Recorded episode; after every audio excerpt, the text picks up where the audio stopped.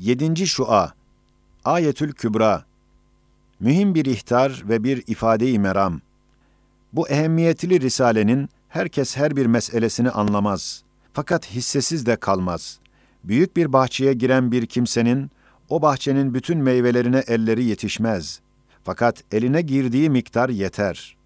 O bahçe yalnız onun için değil, belki elleri uzun olanların hisseleri de var. Bu risalenin fehmini işgal eden beş sebep var.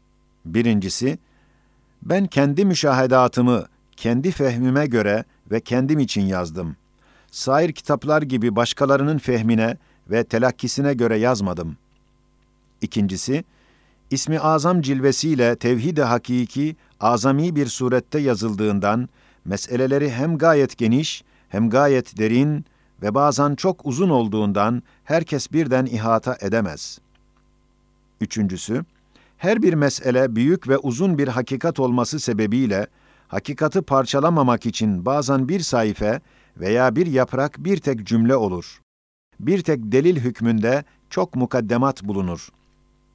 Dördüncüsü, ekser meselelerinin her birisinin pek çok delilleri ve hüccetleri bulunduğundan, bazen on, bazen yirmi delili bir tek bürhan yapmak cihetiyle mesele uzunlaşır, kısa fehimler kavramaz.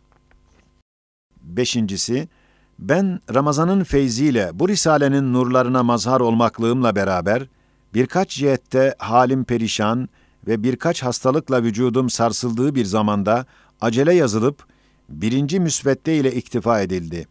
Hem yazdığım vakit, irade ve ihtiyarım ile olmadığını hissettiğimden, kendi fikrimle tanzim veya ıslah etmeyi muvafık görmediğim için, bir parça fehmi işgal edecek bir vaziyet aldı. Hem Arabi fıkralar içine çok girdi, hatta birinci makam baştan başa Arabi olduğundan içinden çıkarıldı, müstakil yazıldı. Medarı kusur ve işgal olan bu beş sebeple beraber, bu risalenin öyle bir ehemmiyeti var ki, İmam Ali radıyallahu an keramat-ı gaybiyesinde bu risaleye ayeti kübra ve asay Musa namlarını vermiş. Risale-i Nur'un risaleleri içinde buna hususi bakıp nazarı dikkati celbetmiş. Evet, İmam Ali'nin radıyallahu an Ayetül Kübra hakkında verdiği haberi tam tamına Denizli hadisesi tasdik etti. Çünkü bu risalenin gizli tab'ı hapsimize bir vesile oldu ve onun kutsi ve çok kuvvetli hakikatının galebesi beraat ve necatımıza ehemmiyetli bir sebep oldu. Ve İmam Ali'nin radıyallahu an kerameti gaybiyesini körlere de gösterdi ve hakkımızdaki ve bil ayetil kübra eminni minel fecet duasının kabulünü ispat etti. El ayetül kübra'nın bir hakiki tefsiri olan bu Ayetül Kübra Risalesi, Hazreti İmam'ın radıyallahu an tabirince Asay-ı Musa namında yedinci şua kitabıdır. Bu yedinci şua bir mukaddime ve iki makamdır. Mukaddimesi dört mesele-i mühimmeyi, birinci makamı Ayet-i Kübra'nın tefsirinden Arabi kısmını, ikinci makamı onun bürhanlarını ve tercümesini ve mealini beyan ederler. Bu gelen mukaddime lüzumundan fazla izah edilmekle beraber, bir derece uzun olması ihtiyarsız olmuştur. Demek ihtiyaç var ki öyle yazdırıldı. Belki de bir kısım insanlar bu uzunu kısa görürler. Said Nursi Mukaddime Bismillahirrahmanirrahim وَمَا خَلَقْتُ الْجِنَّ وَالْاِنْسَ اِلَّا لِيَعْبُدُونَ Bu ayeti uzmanın sırrıyla insanın bu dünyaya gönderilmesinin hikmeti ve gayesi, Halık-ı kainatı tanımak ve ona iman edip ibadet etmektir.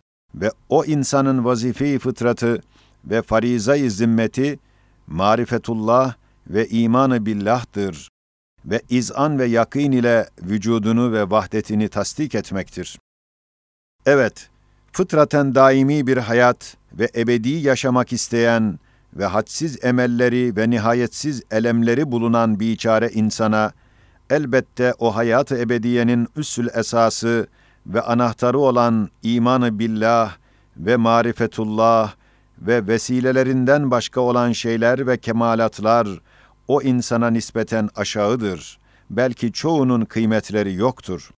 Risale-i Nur'da bu hakikat kuvvetli bürhanlarla ispat edildiğinden, bu hakikati Risale-i Nur'a havale ederek, yalnız o yakini imaniyi, bu asırda sarsan ve tereddüt veren iki vartayı, dört mesele içinde beyan ederiz.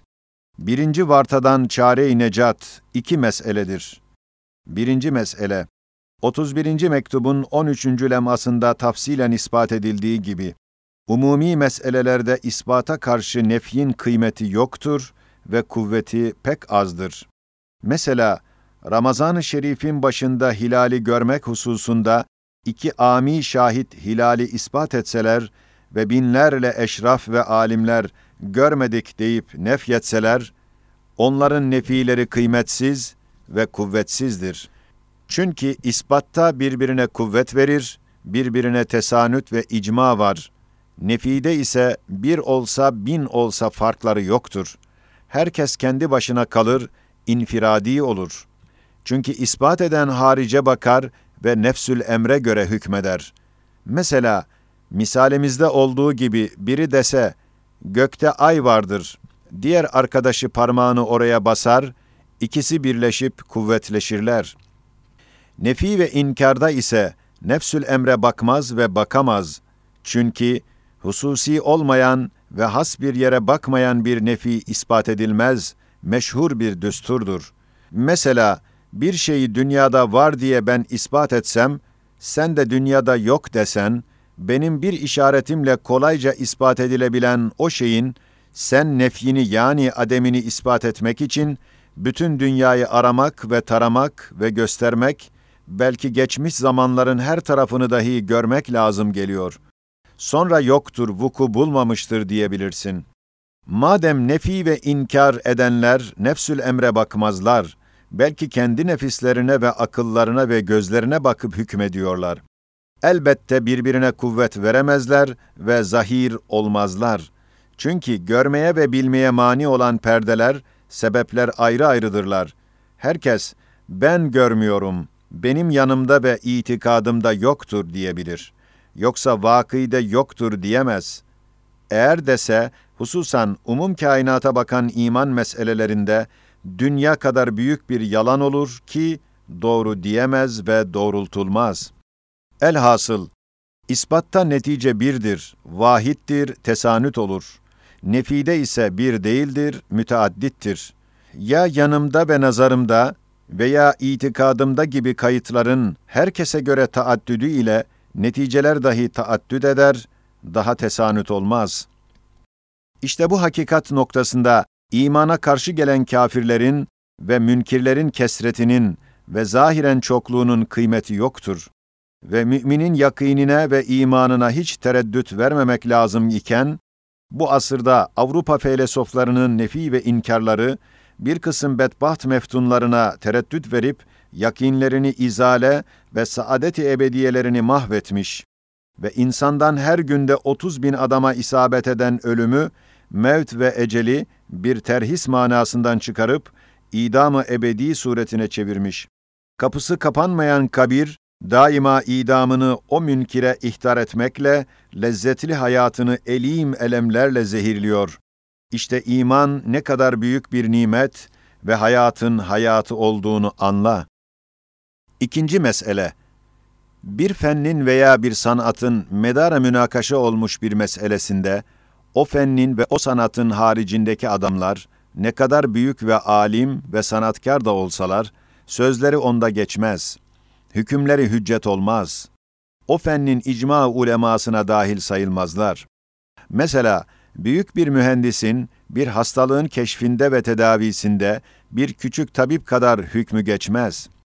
Ve bilhassa maddiyatta çok tevaggul eden ve gittikçe maneviyattan tebaüt eden ve nura karşı gabileşen ve kabalaşan ve aklı gözüne inen en büyük bir felsefonun mümkirane sözü maneviyatta nazara alınmaz ve kıymetsizdir. Acaba yerdeyken arş-ı azamı temaşa eden, harika bir dehayı kutsi sahibi olan ve 90 sene maneviyatta terakki edip çalışan ve hakaiki imaniyeyi ilmel yakin aynel yakin, hatta hakkal yakin suretinde keşfeden Şeyh-i Geylani Kuddise Sırruhu gibi yüz binler ehli hakikatin ittifak ettikleri tevhidi ve kutsi ve manevi meselelerde maddiyatın en dağınık ve kesretin en cüz'i teferruatına dalan ve sersemleşen ve boğulan felsefeler'in sözleri kaç para eder ve inkarları ve itirazları gök gürültüsüne karşı sivrisineğin sesi gibi sönük olmaz mı? Hakaiki İslamiye'ye zıddiyet gösterip mübareze eden küfrün mahiyeti bir inkardır, bir cehildir, bir nefidir. Sureten ispat ve vücudi görülse de manası ademdir, nefidir. İman ise ilimdir, vücudidir, isbattır, hükümdür. Her bir menfi meselesi dahi bir müsbet hakikatin ünvanı ve perdesidir. Eğer imana karşı mübareze eden ehli küfür, gayet müşkilat ile menfi itikatlarını kabulü adem ve tasdiki adem suretinde ispat ve kabul etmeye çalışsalar, o küfür bir cihette yanlış bir ilim ve hata bir hüküm sayılabilir. Yoksa irtikabı çok kolay olan yalnız ademi kabul ve inkar ve ademi tasdik ise cehli mutlaktır, hükümsüzlüktür. Elhasıl, itikadı küfriye iki kısımdır. Birisi, hakaiki İslamiye'ye bakmıyor. Kendine mahsus yanlış bir tasdik ve batıl bir itikat ve hata bir kabuldür ve zalim bir hükümdür. Bu kısım bahsimizden hariçtir, o bize karışmaz, biz de ona karışmayız. İkincisi, hakaiki imaniyeye karşı çıkar, muaraza eder. Bu dahi iki kısımdır. Birisi, ademi kabuldür. Yalnız ispatı tasdik etmemektir. Bu ise bir cehildir. Bir hükümsüzlüktür ve kolaydır. Bu da bahsimizden hariçtir. İkincisi, kabulü ademdir. Kalben ademini tasdik etmektir. Bu kısım ise bir hükümdür, bir itikattır, bir iltizamdır.'' hem iltizamı için nefyini ispat etmeye mecburdur. Nefi dahi iki kısımdır. Birisi, has bir mevkide ve hususi bir cihette yoktur der. Bu kısım ise ispat edilebilir. Bu kısım da bahsimizden hariçtir. İkinci kısım ise, dünyaya ve kainata ve ahirete ve asırlara bakan imani ve kutsi ve am ve muhit olan meseleleri nefi ve inkar etmektir. Bu nefi ise birinci meselede beyan ettiğimiz gibi hiçbir cihetle ispat edilmez. Belki kainatı ihata edecek ve ahireti görecek ve hadsiz zamanın her tarafını temaşa edecek bir nazar lazımdır. Ta o gibi nefiler ispat edilebilsin. İkinci varta ve çare-i necat. Bu dahi iki meseledir. Birincisi, azamet ve kibriya ve nihayetsizlik noktasında ya gaflete veya masiyete veya maddiyata dalmak sebebiyle darlaşan akıllar, azametli meseleleri ihata edemediklerinden bir gururu ilmi ile inkara saparlar ve nefyederler. Evet, o manen sıkışmış ve kurumuş akıllarına ve bozulmuş ve maneviyatta ölmüş olan kalplerine çok geniş ve derin ve ihatalı olan imani meseleleri sığıştıramadıklarından kendilerini küfre ve dalalete atarlar, boğulurlar. Eğer dikkatle kendi küfürlerinin iç yüzüne ve dalaletlerinin mahiyetine bakabilseler, görecekler ki imanda bulunan makul ve layık ve lazım olan azamete karşı yüz derece muhal ve imkansızlık ve imtina o küfrün altında ve içindedir. Risale-i Nur yüzer mizan ve müvazenelerle bu hakikati iki kere iki dört eder derecesinde kat'i ispat etmiş.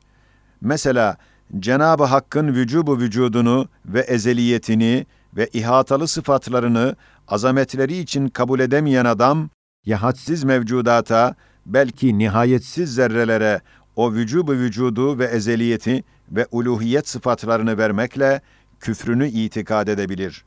Veyahut ahmak sofestailer gibi hem kendini hem kainatın vücudunu inkar ve nefyetmekle akıldan istifa etmelidir.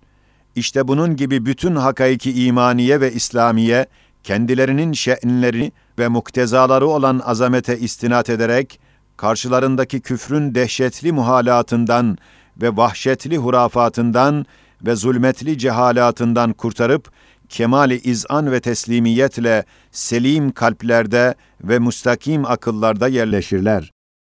Evet, ezan ve namaz gibi ekser şair-i İslamiye'de kesretle Allahu Ekber, Allahu Ekber, Allahu Ekber, Allahu Ekber azamet ve kibriyasını her vakit ilanı, hem el azametu izari vel kibriya'u ridai hadisi kutsi'nin fermanı, hem Cevşenül Kebir münacatının 86. uktesinde Ya men la mulke illa mulke, ya men la yuhsil ibadu senâeh, ya men la tasiful halâiku celâleh, ya men la yenâlul evhâmu künheh, ya men la yudrikul ebsâru kemâleh, يا من لا يبلغ الافهام صفاته Ya men la yenalul efkaru kibriyaeh, ya men la yuhsinul insanu nu'uteh, ya men la yeruddul ibadu kadaeh, ya men zahara fi kulli şeyin ayatuh.